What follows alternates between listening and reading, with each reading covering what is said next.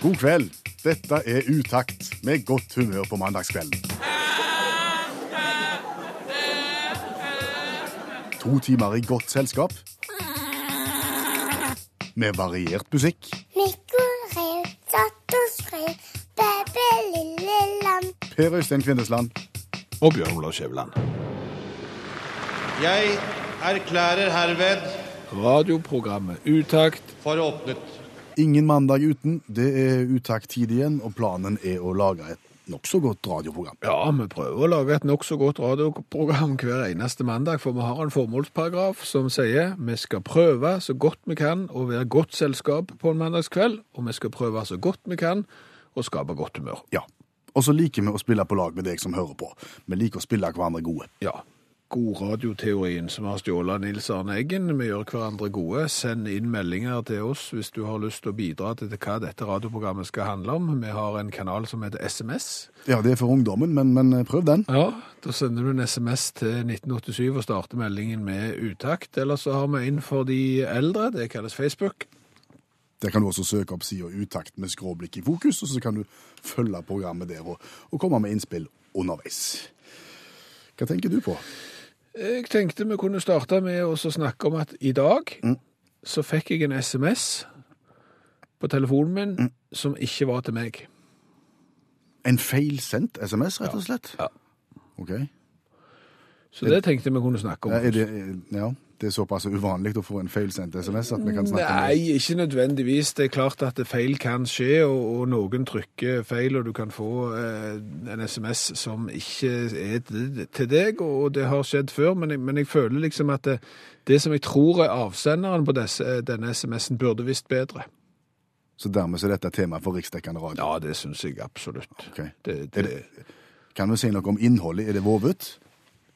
og, og du så for deg nå at det var at det var ting som ikke tålte Nei, nei, nei, det er ikke det. Det handler om eh, skatt. Altså Hvis jeg ikke skaffer dette skattekortet som jeg trenger, så, så må jeg fikse det i dag, eller så må jeg betale 50% skatt. Det handler SMS-en om. Det var ikke det som var poenget. Poenget er på en måte hvem som tilsynelatende står bak som avsender her. Jeg har datt av. Kan, du, kan du lese meldingen sånn som den står på telefonen? Nå leser jeg han ordrett, sånn som han kom inn på telefonapparatet mitt Ja. i dag. Du må skaffe deg skattekort hvis du skal jobbe på opplysningen fremover. Har du jobba i desember, må du fikse det i dag, ellers blir du trukket 50% skatt.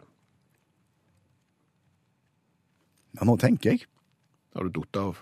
Ja, nei, jeg, jeg sier ikke Fremdeles datt av. Du har ikke kommet på igjen? Nei, ikke kom jeg på. Jeg sier fortsatt ikke helt på Altså, OK, du må skaffe deg skattekort. Ja. Greit. Hvis du skal jobbe på opplysningen fremover. Det er, det er en representant for opplysningen som har sendt SMS til deg. Sånn som jeg tolker denne teksten her, eh, er det noen som har ansvaret for økonomien på opplysningen, som har sendt ut til en av de ansatte, eh, sannsynligvis deltidsansatte, at du må skaffe deg skattekort, eh, eller så blir du trekt 50% i skatt. Og er det noen som burde ha kontroll på at SMS-en kommer til rett mottaker, så bør det vel være opplysningen. De jobber vel egentlig med det? Det er vel faktisk det de jobber med. Ja. Du kan, kan jo tenke deg hvis du ringer, ja, hallo, det er opplysningen. Har du nummeret til Per Øystein? Ja, er ikke det 59 47 11? Det er det noe sånt? Ikke helt sikker, men prøv det nummeret, og hvis det er feil, så ringer du bare opp igjen. Så tar du kontakt. Ja, Ja. de bør ha kontroll på det. Så jeg sendte tilbake igjen, er denne SMS-en faktisk til meg? Hva sa opplysningen da? Da sa opplysningen, eh, nei, tusen takk for at du ga beskjed. Hvor gammel er du? Hvor, hvor gammel jeg er? Ja. F- 45, kan vi si. Der omkring. Der omkring. Ja, er på vei mot 46. Ok. Hvordan markerer du når du har bursdag? Nå til dags. Ja, Bortimot fraværende. Lite. Du har ikke selskap? Ja, jeg kanskje litt kake med familien og sånn, men ikke noe Ikke, ikke, ikke noe utover det? Nei, nei. Nei. Nei. Det er jo litt tamt da. Hvorfor spør du? Jeg spør fordi at det, det med markering av bursdag er veldig interessant, fordi at det er veldig aldersavhengig hvordan du markerer bursdagen din. Og så er det faktisk sånn at det, noen markeringsformer gjentar seg med mange års mellomrom. I alderssyklusen, på en måte? Ja, det, det, det er liksom noen få former for bursdag gjentar seg, mens noen er øremerket kun for en aldersgruppe. Ok, Skal vi begynne med de minste? Ja, altså der har du det, der har, altså, I aller minste, der er det jo bare å få inn noen unger, og så sette ei kake på bordet, og så la de få lov til å grapse med det. det. Det gjentar seg for så vidt aldri, bortsett fra hvis du er 100 og 10. Men, men, men så kommer du til, til aktivitetsbursdagen. Den, den kan du ha fra du er fem år og litt oppover. Da er det altså bowlingbursdag, spøkelsesbursdag og sånne Ja, lekeland, eh, er det fint vær, Har de en fotballbinge, være ute i skogen i en gapahuk eller et eller annet. Altså alle muligheter for bare å ikke ha det innendørs med 15 gutter, for eksempel. Gjerne Altså, forbeholdt barneskolen, dette her. ja, Barneskolealder. Ja, jeg føler òg det. Ja. Og så kommer du eh, opp i eh, ja, ungdomsskolealder, eh, litt sånn kule ungdomstider. Mhm. Hvordan markeres det da? Da er det gjerne er det fire gutter i kjellerstua og en film og en Grandiosa. Ja, det er det. Og så er det liksom lite svung på markeringene før du eventuelt blir 18. Ja, Da er det litt sånn jeg har fått lappen og litt full fyr. Da er det fest. Da. Da- Da kan du gjerne gå sammen med noen andre som blir 18 omtrent samtidig med deg, og, og så kan det bli full fyr i teltet, bokstavelig talt. Da kan det bli litt sånn grining utpå kvelden. Litt, litt mye av det på de festene. Der. At ingen er glad i det, grining. Ja, litt sånn. Okay. Men, men Og, og, så forsvinner på en måte litt bursdagene etter det, etter 18 år. ja. Eh, De dør litt hen, eh, kanskje med en liten sånn markering av at du blir 20, altså rundetall 20-25. Eh, Kanskje 30-årsdag blir markert til en viss grad, men det blir ikke skikkelig fyr igjen før du er 40.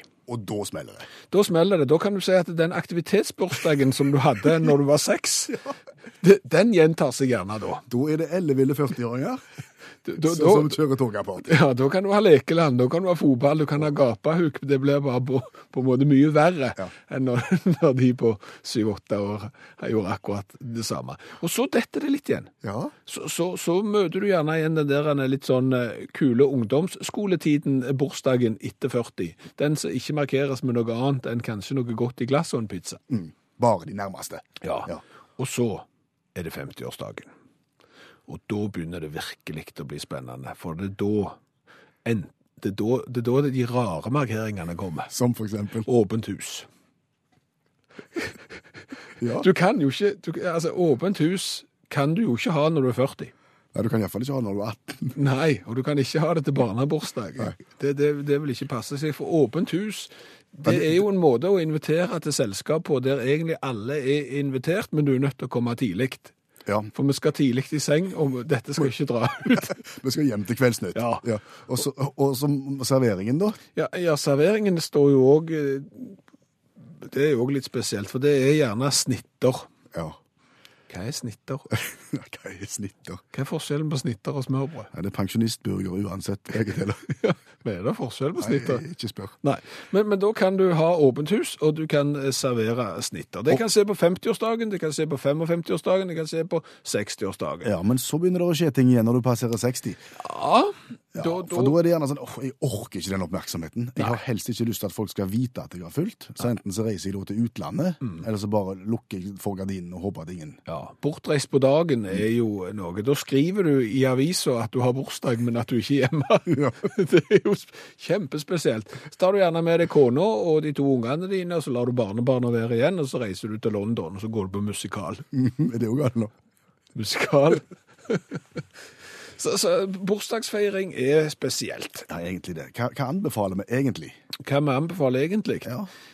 Egentlig så tenker jeg litt alternativt. Går det an eksempel å ha åpent hus for syvåringer og servere snitter? Prøv den. Og, og som 50-årsdag så, så har du eksempel Leos eh, lekeland med brus med sugerør og gelé. Nei, da er du på sånn 40-års jeg si. Ja, okay, nei, jeg får det ikke til. Nei, det er nok sånn. Hver alder sin skjerm. Halvdan Sivertsen sang 'For ei dame', og det kan vi vel egentlig si om bestemor di, Skjæveland. Og for apropos bursdag og flotte damer, 101 år ble jo nettopp. Mm. Vi markerte bursdag i forrige uke. Ja. Og, hadde et lite bursdagsselskap for, for bestemor mi som ble 101 år. Hvordan feirer 101-åringer i forhold til den skalaen vi nettopp hadde? Ja, litt som eh, 60-åringene, og 70-åringene, og 80-åringene, og 90-åringene. Rolig, lite oppmerksomhet, bare den nærmeste kretsen og smørbrød. Ja, Ja. det er helt direkte. riktig. det er stikkordene. Og tidlig i seng.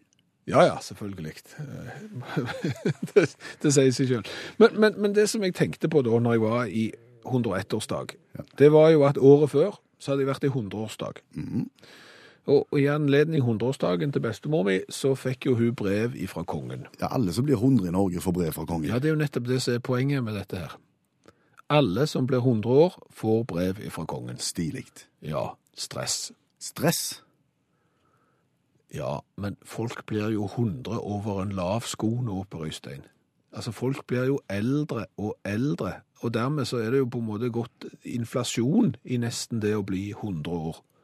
Så du tenker det er mye arbeid for kongen, dette her? Ja, jeg tenker det, det jeg har jo ikke tid til annet. Eh, Det blir knapt tid til representering, fordi du må skrive hilsen til alle de som blir 100 år. 100 er det nye 80, på en måte? Ja, det tror jeg. Nesten. For, for hvis du tenker deg tilbake igjen, mm. 20-30 år, når du var i din ungdom, hvor mange hundreåringer visste du om da? Ingen andre enn det jeg hadde lest om i Bibelen. Nei, de ble jo 500 år, og da ble de i tillegg gravide, så, så jeg tror det er en litt annen historie. Men det samme med meg. Men de, de som virkelig ble gamle, følte jeg rundt meg når jeg eh, var konfirmant, de ble 89. Noen ble 90, men det var jo helt uhørt. Og det er klart da, når kongen skulle sende hilsen til de som ble 100, det er ikke travelt. Det er jo en gang iblant. Nå er det jo hver eneste dag sikkert i hundreåringer i hytt og gevær. Sier du at vi skal heve, altså indeksregulere den, den grensa for når kongen skal sende brev? Ja, det, det syns jeg. På, på- samme måten som eh, andre ting blir indeksregulert, f.eks. prisen på eh, festetomt, så bør det òg indeksreguleres når kongen sin hilsen på for hundreåringer skal inntreffe. Hvor høyt opp skal vi gå, syns du nå? Jeg har ikke hørt om de som er 110. Nei, det, det er å gå for langt. Ja, så, så da er vi tilbake igjen på det at kongen har ingenting å gjøre. Så, så skal vi si 105 for eksempel nå. Okay. At vi begynner der, og så ser vi om fem-ti år om det eventuelt må, må opp til 110. Diskuterte du dette med jubilanten på 101? Eh, Nei, jeg, jeg gjorde ikke det, for hun har jo allerede fått sitt brev. Så får vi jo eventuelt se nå når vi indeksregulerer om vi får et nytt. La oss håpe det. Vi satser på det. Fordi vi bruker nemlig bestemor di i dette radioprogrammet her også. Ja, hun har gode historier å komme med. Ja. Så begynte de å rope opp, vet du. Firs og halvfjerds, fems og tress. Og du vet, og vi skulle krysse av på våre. Vi fant jo ingenting av de tallene. Utakt. Programmet for deg som sliter med bingo på dansk. Det var jubilanten, så ikke jubilant, for det var 101 år. Det var hun som spilte bingo på dansk. Ja, 72. Og vi skal utenriks. Korrespondenten. Alltid våken. Alltid oppdatert. Alltid nyhetssøkende. Korrespondenten. Og i studio her sitter Bjørn Olav Skjæveland med en korrespondent i magen. Ja, si det. Det kunne vært kjekt å vært i utlandet og jobbet, iallfall for en liten periode. Men enormt utfordrende. Du skal kunne mye på kort tid. Jeg er ikke sikker på om du må kunne så mye, men du må ha evnen til å improvisere, og du må ha evnen til å trekke slutninger ut ifra gammel kunnskap. Tror jeg må kunne gå an å si. Hvor vanskelig kan det være? Er det det du prøver å si nå? Ja, det er jo det vi prøver å finne ut av her. Dette er et eksperiment. Ja. Eh, Jeg har funnet fram til en eh, sak som har skjedd et eller annet sted i verden. Du skal straks nå gå ut av studio. Eh, Vi skal, du aner ikke hva vi snakker om. Har ikke peiling hva sak du har valgt ut. Nei, eh, vi skal da leke at du er korrespondenten som får denne saken i fjeset brått og må rapportere hjem eh, til mine spørsmål. Ja, for det er jo gjerne det vi ser for oss skjer når du er, la oss si du er Asia-korrespondent for NRK. Asia er jo mye større enn lille Asia. Ja. Sant? Og plutselig så må du reise til et nytt land, du må sette deg inn i en ny sak, og ting går veldig fort. Plutselig så må du være på lufta, og da må du ha evnen til liksom å, å, å klare det uten å ha forberedt deg spesielt godt. Og det er det du mener at Det er sunn jeg- fornuft og folkeskolen er nok? Ja, det Ja. mener jeg. Da skal du få lov til å gå inn i det lukka rommet, Ja. ta på deg et headset eh, og en maskin som gjør at du kan rapportere derifra. Så skal vi nå late som om han er korrespondent, og vi kjører vignett.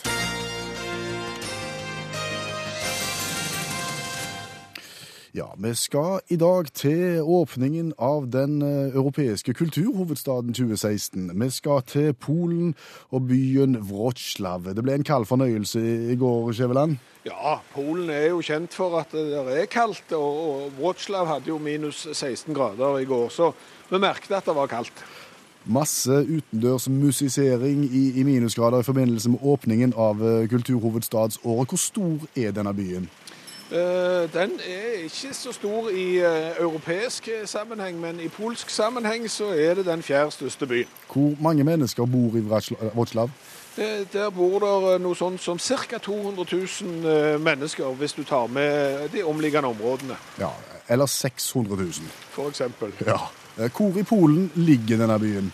Eh, Det enkleste er jo oftest å si at hvis du ser Polen nedenfra, så ligger det på høyre side. Eh, Altså ganske langt øst. Ja. Eventuelt eh, sørvest for Warszawa, nærmere den tyske grensa. Der kan det òg ligge.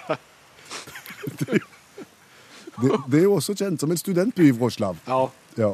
Hvor mange studenter er hvert, I- hvert år å studere i Polen her? Nei, det er klart at i en by med 600 000, og som har veldig mange studenter, så er det noe sånn som 100 000 universitetsstudenter hvert eneste år. Stemmer det.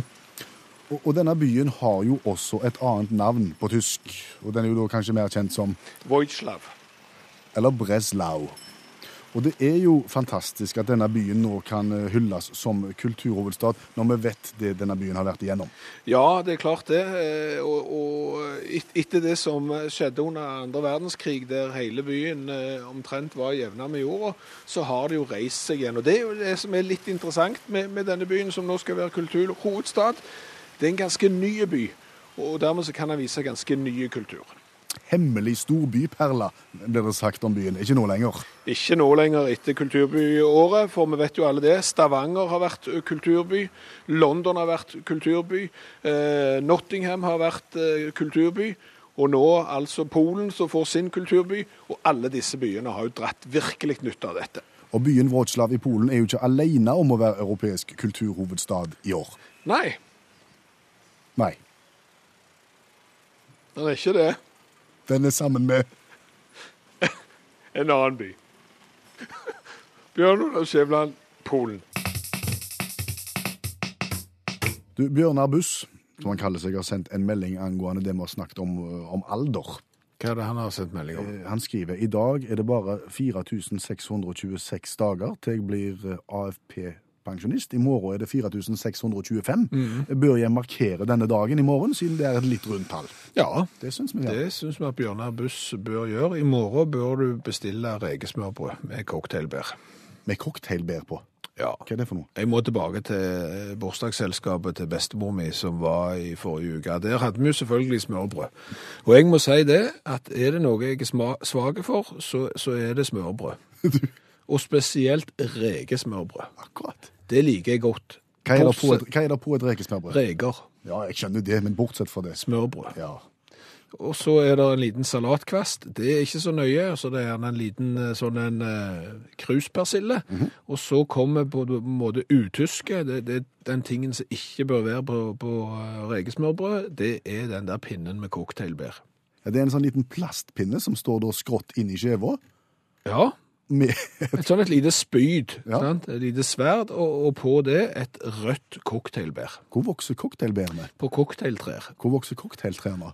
Cocktailtrærne de vokser i Syden. Nei, jeg, altså, jeg, jeg, jeg kunne ikke mye om cocktailbær før jeg eh, spiste rekesmørbrød nå. Og, og, og jeg hadde internkonkurranse med meg sjøl. Klarer jeg å spise det opp? Under tvil. Hva smaker cocktailbæret? Vondt. Ja. Nei, altså Smaker det bringebær, solbær, ripsbær, stikkelsbær, jordbær? Ingen av delene. Fordi at jeg måtte sjekke opp hva er dette her for noe. Cocktailbæret. Og så viser det seg da at jeg tror sånn opprinnelig så skal det være et kirsebær som har lagt i en eller annen lage. Og da har du hatt et kirsebær som smaker ganske godt. Så har du lagt det i et eller annet som gjør at det smaker vondt. Litt som lut og lutefisk? Ja. Og da har du lagt det i en eller annen sånn form for marinade, sånn at det er blitt litt pløsent og, og, og, vassent og smaker vondt. Så det har gått fra godt til vondt. Og da syns folk at det er godt, når det har gått fra godt til vondt. Og, og det som er interessant her nå, det er at jeg har ikke truffet noen som liker cocktailbær. Nei. Og allikevel så er det sånn at det lages kunstige cocktailbær. Altså som ikke skal spises, men bare skal se, eh, ta seg ut. Nei, de skal spises. Oh. Det er tydeligvis sånn at det å legge et kirsebær i en eller annen form for marinade som gjør at det smaker vondt istedenfor godt, det er blitt så populært at at etterspørselen etter cocktailbær er så stor at du må lage kunstige. Og da vet ikke jeg helt hvordan du lager kunstige cocktailbær, men du får det iallfall til å se ut som ekte cocktailbær. Og det smaker enda vondere sannsynligvis enn ekte cocktailbær. Men hører det ikke egentlig hjemme i drinken, i cocktail? Eh, Jo, det gjør det Og så har det blitt overført til rekesmørbrød på et eller annet vis? Ja, og, og hvordan har de kommet på det? Nei, det Altså, fordi at hvis det har vært i drinken, så er det jo gjerne sånn at det, det smaker så vondt at plutselig så smaker drinken godt. At sånn sett så har det jo på en måte en funksjon. Det er litt som salt på, og tequila sikkert, at det, saltet smaker så vondt at plutselig så smaker tequilaen kjempegodt. Hva vet jeg, jeg har aldri smakt det, men jeg antar bare dette. Men noen må jo ha tenkt at ok, havets delikatesse, reker, majones, en liten kvast med kruspersille, litt grann av salat på ei trikanta loffskive. Hva må vi ha her? Cocktailbær! Cocktail har alltid vært pirrende. Ingen mandag uten utakt, og ingen utakt uten uh, allmennlærer med i musikk, Olav Hove. Nei, for han er gjesten vår, og han kan snakke om ting som vi ikke har greie på. For eksempel så vet vi jo det at Norge er inne i ei økonomisk krise akkurat nå. Ja, det blir sagt at blodet flyter i Stavanger. For eksempel. Og så er jo spørsmålet, tid skal vi vite at vi ikke lenger er det? At vi er på vei ut av den økonomiske krisen? Tid det har snudd, på en måte? Ja, Går det an å svare på det, allmennlærer Olav Hove? Ja, det er klart du kan. Eh, og, og det er jo viktig nå i krisetid å kanskje, kanskje snakke litt enklere enn det økonomene gjør. liksom. For det er jo liksom Ja, det kan bli bedre, men det kommer litt an på inflasjonen og i sammenligning med eh, konsumprisindeksen og oljepris og bla, bla, bla. Det blir vanskelig å forstå. Så for å finne ut om eh, dette her kan ordne seg raskt, eh, så må vi til Finland, og vi må til professor Tato Westling ved Universitetet i Helsinki og hans teori som blir kalt for penislengdekorrelasjonen. Nå vet, tenker sikkert lytteren at jeg vet ikke penislengde, men hva var det korrelasjonen var etter nå? Um, Er ikke det rust? ja, det òg. I en gruppe der man måler verdien av to variable størrelser for hver enhet i gruppen, kan man være interessert i om det er korrelasjon. Det vil si samvariasjon mellom disse variablene. Så ikke bry dere om hva korrelasjon betyr, men, eh, men når det gjelder, gjelder variable størrelser, så kan vi jo eh, snakke litt om det. Han her, eh, Tatu eh, Westling, han har undersøkt og jeg vet ikke hvorfor, men han har undersøkt den økonomiske utviklingen i land i hele verden fra 1960 og fram til 1985, og sett dette opp mot gjennomsnittlig penislengde på mennene i her, disse her landene. Og det er altså ting som tyder på at en måler tissefantene til menn rundt omkring i verden på årlig basis, for han har altså statistikk på det her fra 1960 til 1985, og jeg har sett på denne statistikken da. er det stigende? Nei, det er, det er varierende, kan du si. Okay. Ja, det er ulike variabler. Eh, Men det han finner ut av, er at, eh, at for hver centimeter tissefantlengden øker, så får du en 57% reduksjon i den økonomiske utviklingen. Eh, og det er nå greit nok. Men så dreier det seg om da, hva, eh, han har tenkt litt på du, Hvis du har en krise, da, hvordan er du i stand til å komme deg ovenpå igjen? Og da viser det seg da at eh, der det er mest testosteron, og, og der, da, det er på en måte størst utstyr, da, der, der blir en ofte lett overmodig, tar store sjanser og sliter med å komme seg ovenpå. Og Da vil du kanskje tenke at de mindre tissefant, de større sjanse for å komme seg overpå, men det er faktisk ikke sant, for dette her er såkalt U-kurve. Så det betyr at har du en gjennomsnittlig penislengde øh, i nasjonen, ø, så er sjansen for å komme ovenpå større og raskere. Men, men det jeg ikke forstår her, det er jo Er det er mulig å misforstå det her? Men Endrer penislengden seg hos oss? Altså, Blir min f.eks. lengre eller kortere for hvert år? Altså Bortsett fra når det er kaldt ute og jeg bader? Det er marginalt, men du kan med god samvittighet dusje med far din, for å si det sånn. da. Og Det har vært en liten økning da, de siste 40 årene. Eh, nå er vi oppe i 14,37, vel å merke erigert, eh, ifølge denne her statistikken. Men, men det du sier, det er altså at for at vi nå skal se tegn til at vi er på vei ut av krisetidene, Ja, ja. så bør vi ligge på gjennomsnittet. Ja. Vi bør kikke oss nedentil og se er det, er det, er det mye, så er det trist. Og jeg har gode nyheter. Det, vi er så gjennomsnittlige som det går an å bli. I lag med Sveits, Canada og, og Tunis så er vi akkurat der vi skal være når det gjelder lengden. Eh, jeg vil si at Ghana, Kamerun og Italia, der jeg tror jeg de, de skal se langt etter en forbedring. Men Sør-Korea, India Burma kanskje kommer til kort. Så eh, folkens, det er bedre tider på vei. Takket være tissefantlengen. Kan jeg få avslutte med dine kontrollspørsmål? Ja, Hva, hva utdannelse har han her, Finnen? Han er økonom. Hæ? Han heter Tato, da. Det er tøysenavn.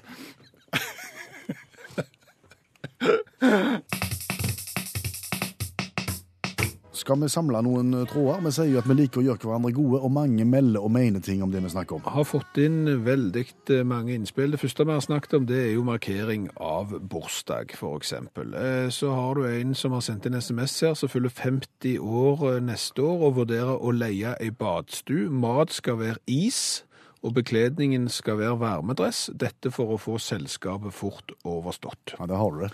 Så det er jo eh, lurt. Så har du Inger Margrethe som blir eh, 70 midt på sommeren. Fordelen med det er jo at da er det gjestene som er bortreist på dagen. Så det er fordeler med det. Så har vi snakket om bespisning.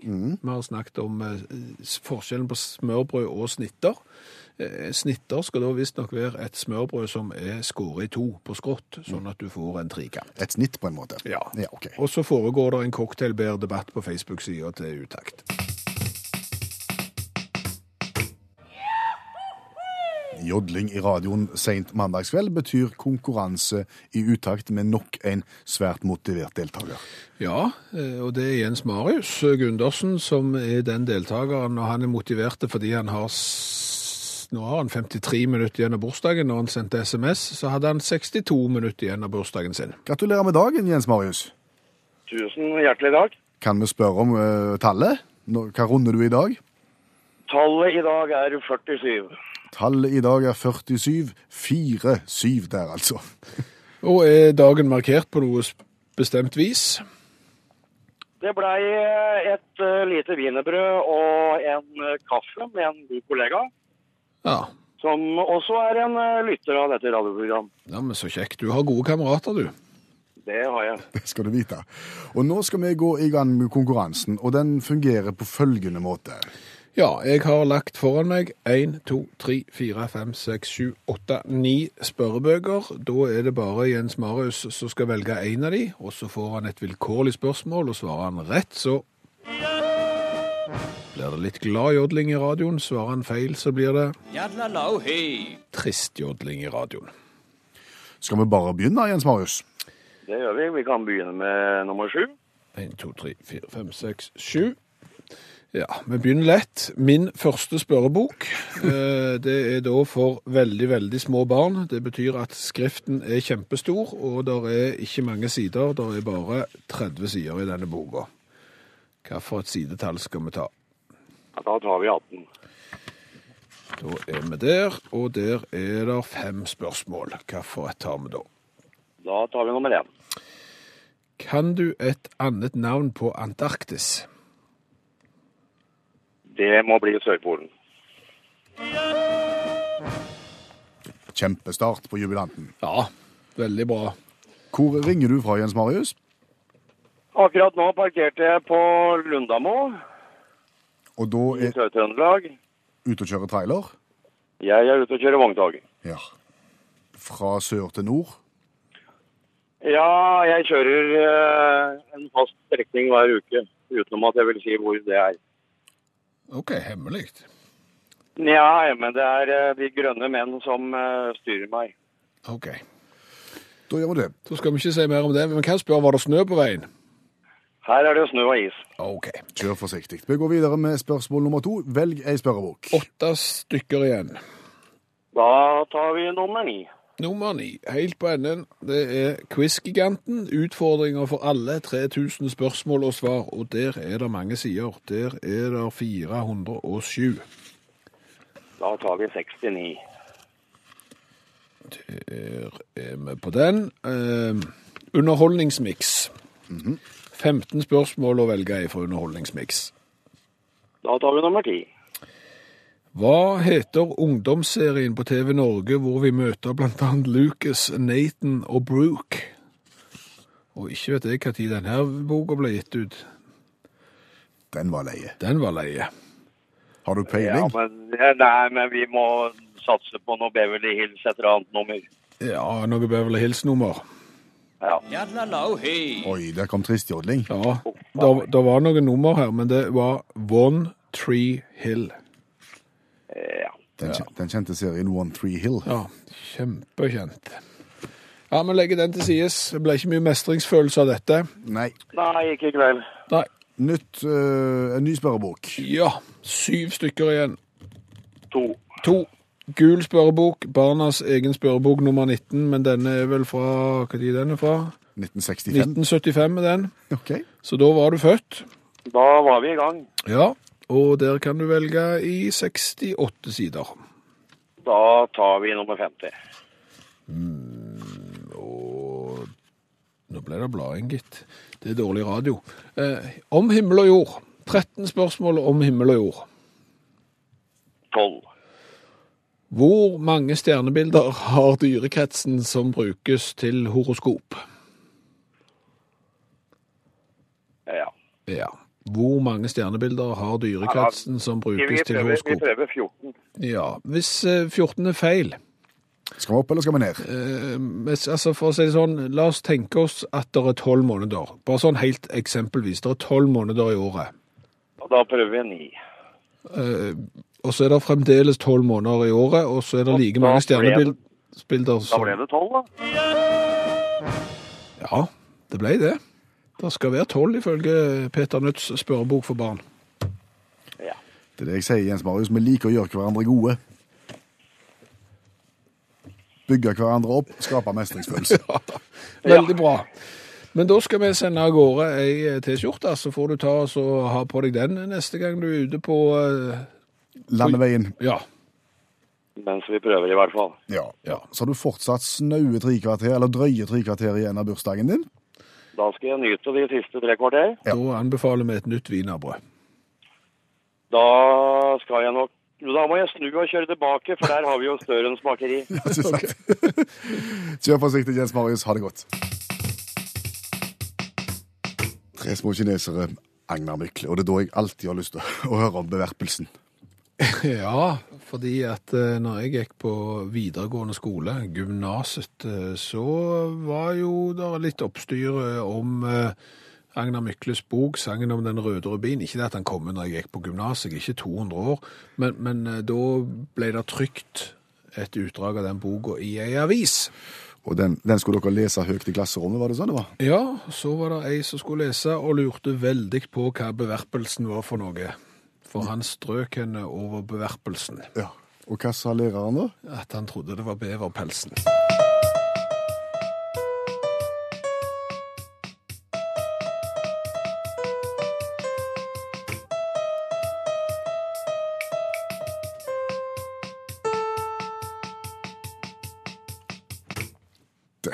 Det tar aldri slutt. den.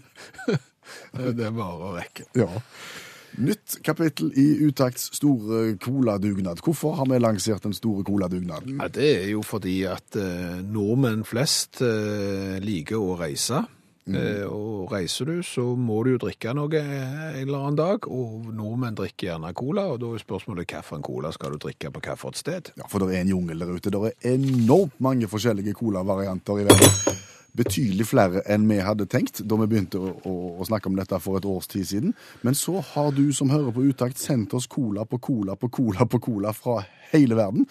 Og så er det jo ganske tøft å være det radioprogrammet som har smakt på mest cola. Absolutt. Og i dag så skal vi ikke fryktelig langt. Eh, vi skal til en cola som er kjøpt i Tyborøen. Og da er vi i Da er vi i Danmark, og den er kjøpt av Per Henrik, som holder til i Arendal. Han har sendt eh, den til oss. Hva heter den? Den heter Ty-cola. Oppkalt etter der han er fra. Ja, den er fra Altså, her skal jeg prøve å beskrive den flaska. For det første så er det jo 025. Altså en sånn liten barnebrus. Ja, Så er det bilde av en sånn en eh, Volkswagen Transporter av den gamle typen. Den der litt sånn, og så et surfbrett inntil. Den vi kalte fiskepudding. Eh, nei, den Nei. før det igjen òg. Altså, den, den som nå er mye verdt. Akkurat. Den som jeg kjøpte for 3000 kroner og, og knoksa for syv. Så jeg hadde beholdt den i dag, så hadde den vært med verdt mye. Eh, rød etikett, og så står det verdens beste tyvann på den. Akkurat. Cola Naturell. Skal vi smake på den? Eller vet vi noe mer om dette bryggeriet som, har, som lager Ja, Tisted Brygghus, grunnlagt i 1902. Og såpass? Ja, og har hatt mange, altså de lager mer enn bare leskedrikk. De lager mer enn bare det som heter vann på, på dansk. De lager òg øl, og hadde vel kanskje en av sine store dager i 2010, når Typilsner og når Ty Classic òg kom ut på dåse. Ja, det er først når det kommer på dåse at det svinger skikkelig. Det er det. Det er dansk for boks. Så da hadde de boksøl. Ja. Men eh, nå skal vi holde fokus på colaen. Jeg åpner. Ja. To karakterer skal vi gi. Vi skal gi en for smak, og vi skal gi en for design kulhet. Og vi starter med smaken. Yes, vær så god. Nå er vi spente. Takk. Ty-cola, cola naturell.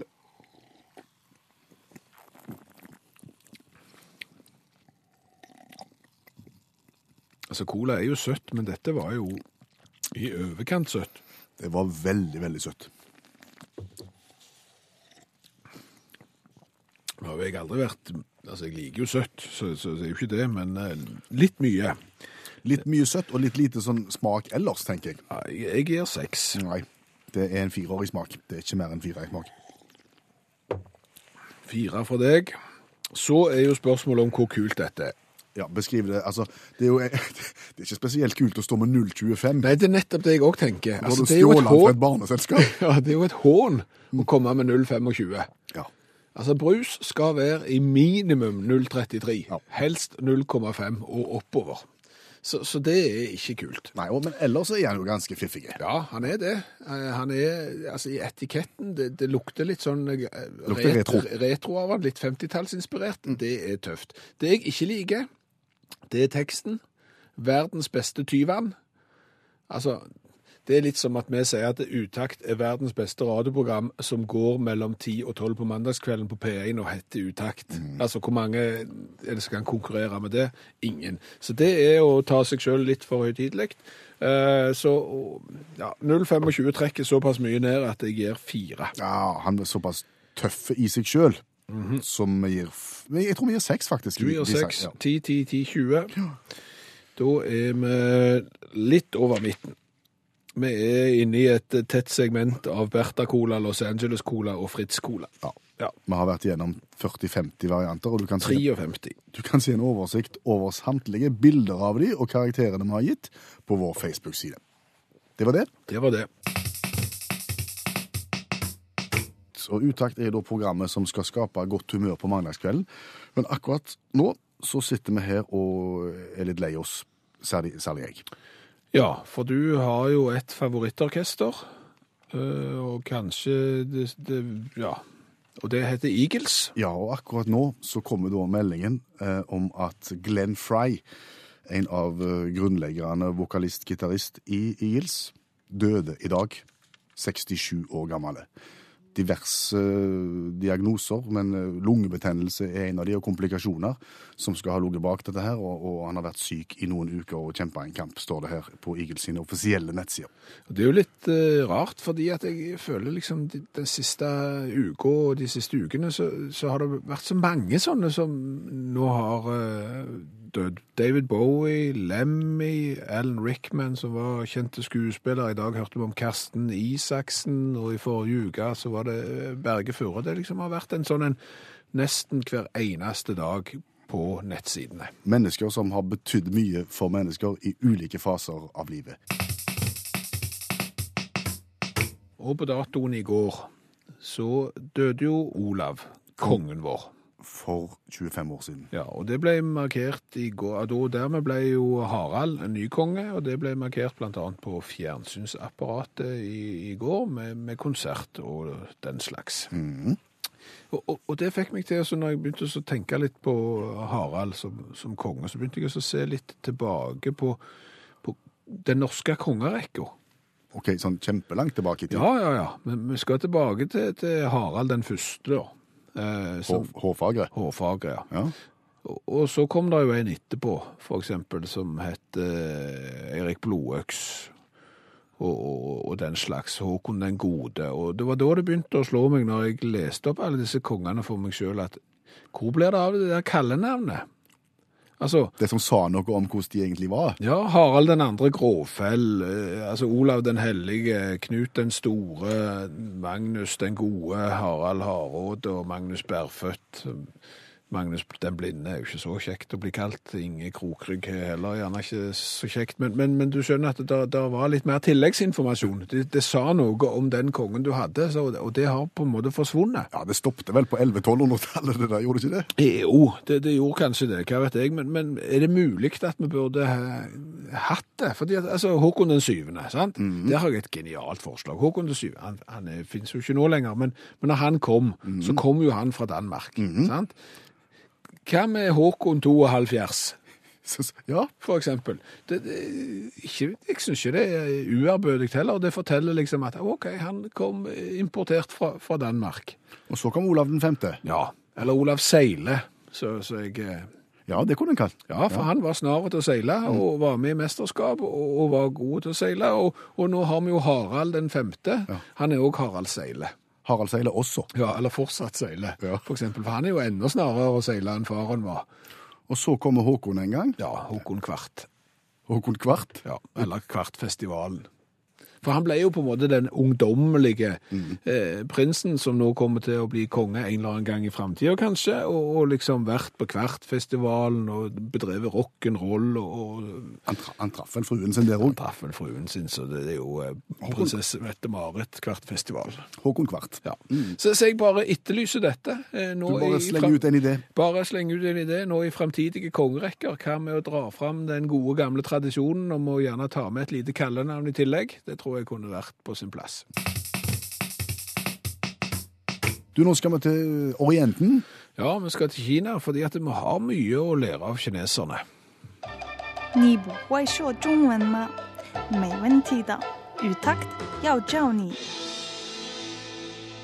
Å lære kinesisk? Null problem.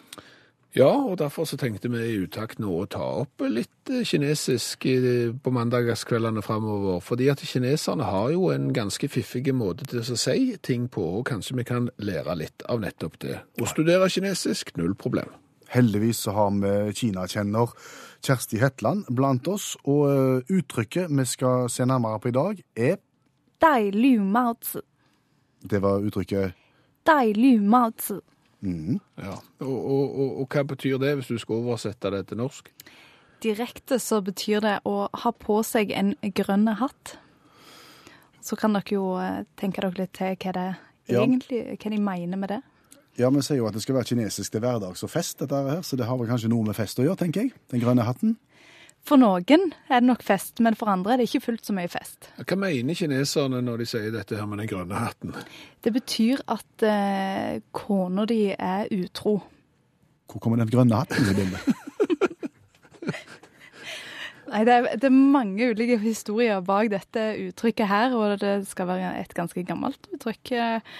Den ene historien er om eh, en mann som tok på seg en eh, grønn hatt da han gikk hjemmefra, før han da skjønte at dette var jo ikke hans hatt, dette var jo kona sin elsker sin hatt. Og så er det ei annen historie om eh, ei kone som lagde en grønn hatt til sin mann, sånn at eh, når hun hadde besøk av elskeren sin, så ville hun se mannen komme på lang avstand fordi han hadde på seg denne grønne hatten. Hvor eh, vanlig er det å gå med grønn hatt i i Kina når du har bakgrunn i dette her uttrykket her? Særdeles uvanlig. Ja, så dermed så er jo utakt sitt råd, skal du på en tur til Beijing for eksempel på en langhelg, så, så ikke ta på deg den grønne hatten. Nei, Da blir du latterliggjort. Du blir nok det. Eller som kineserne ville sagt det, 戴绿帽子。你不会说中文吗？没问题的， 语 takt 要教你。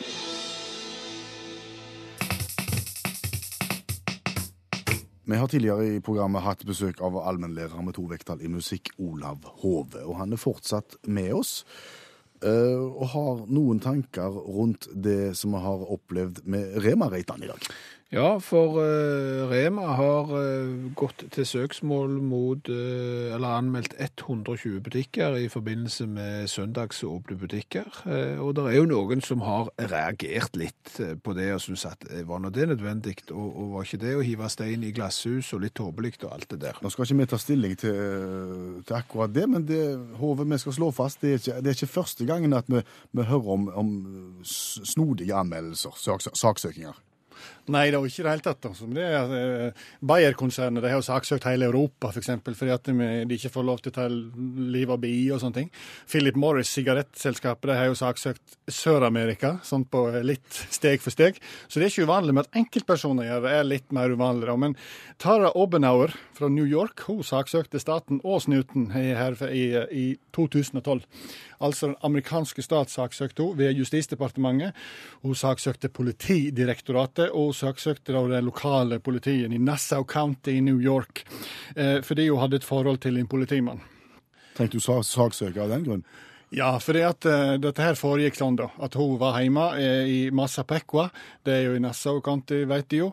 Eh, eh, politimannen, da, eh, la oss kalle han Mike, han heter Mike, han kjørte med patruljebilen sin, parkerte utafor, la fra seg eh, smultringboksen og gikk inn og hadde da eh, seksuelt eh, samkvem med, med, med Tara. Ja, han Ja. gikk fra en smultring til en annen, for å si det sånn. Ja, gjorde han, vet du. Og gikk ut og satte seg i bilen og fortsatte virke slikt. Og, og, og slik fortsetter det da i sju måneder. Eh, Hva hadde han seg mens han var på jobb? Ja, den hadde det. Oi, oi, oi. Ja, ja, ja. ja. Men så, så eh, etter hvert da, så begynte hun å angre seg litt. da, og syntes det var litt eh, Det var ikke helt bra moralsk, eh, og syntes jo at han eh, kanskje var litt vel tung i smultringboksen. Eh, og da saksøkte hun staten og snuten fordi at de hadde en arbeidstidsavtale som tillot at politimenn kunne legge fra seg smultringboksen, gå inn i private heimer og ha samleie. Det burde ikke være lov.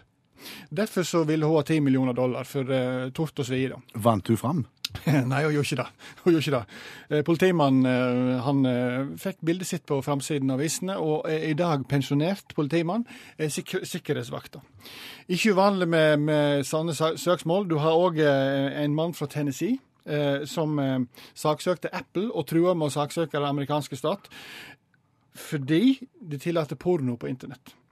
Han her, eh, tidligere advokaten Chris Sevier heter han, han eh, hadde fått seg iPad til bursdagen eller jul eller hva det var, og skulle inn på Facebook. Han ville ha, han, han ville ha en profil på Facebook.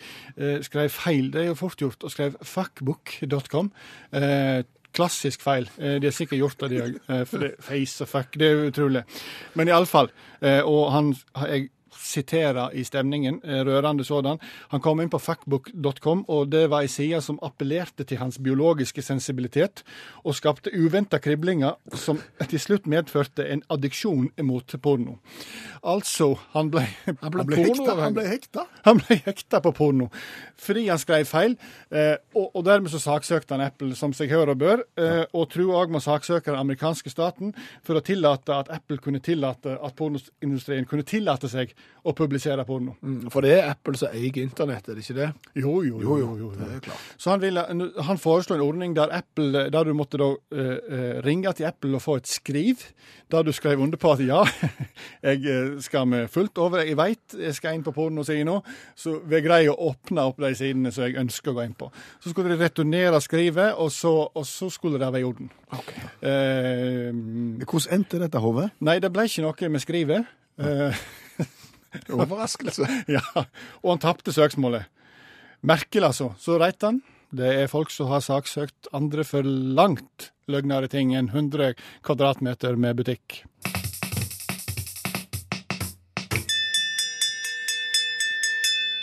Utakt leser høyt fra boka 'Norges morsomste vitser'. De beste vitsene fra NM i humor. Lommelykt. Det var på den tiden det var vanlig med dans på lokalet. En jente ble budt opp til dans på et par flate tangoer, og etterpå ble de enige om å stikke en tur opp på jentas hybel, som lå like i nærheten. Vel framme på hybelloftet viste det seg at lyset var godt, så jenta fikk problemer med å finne nøkkelhullet. Jeg kan lyse for deg, sa gutten, og dro fram en lommelykt fra lomma. Har du hatt den der hele tida? spurte jenta. Ja, innrømte gutten. Da tror jeg vi går ned igjen, sa jenta skuffa. Du har hørt Utakt lese høyt fra boka 'Norges morsomste vitser'. De beste vitsene fra NM i humor. Hør flere podkaster på nrk.no podkast.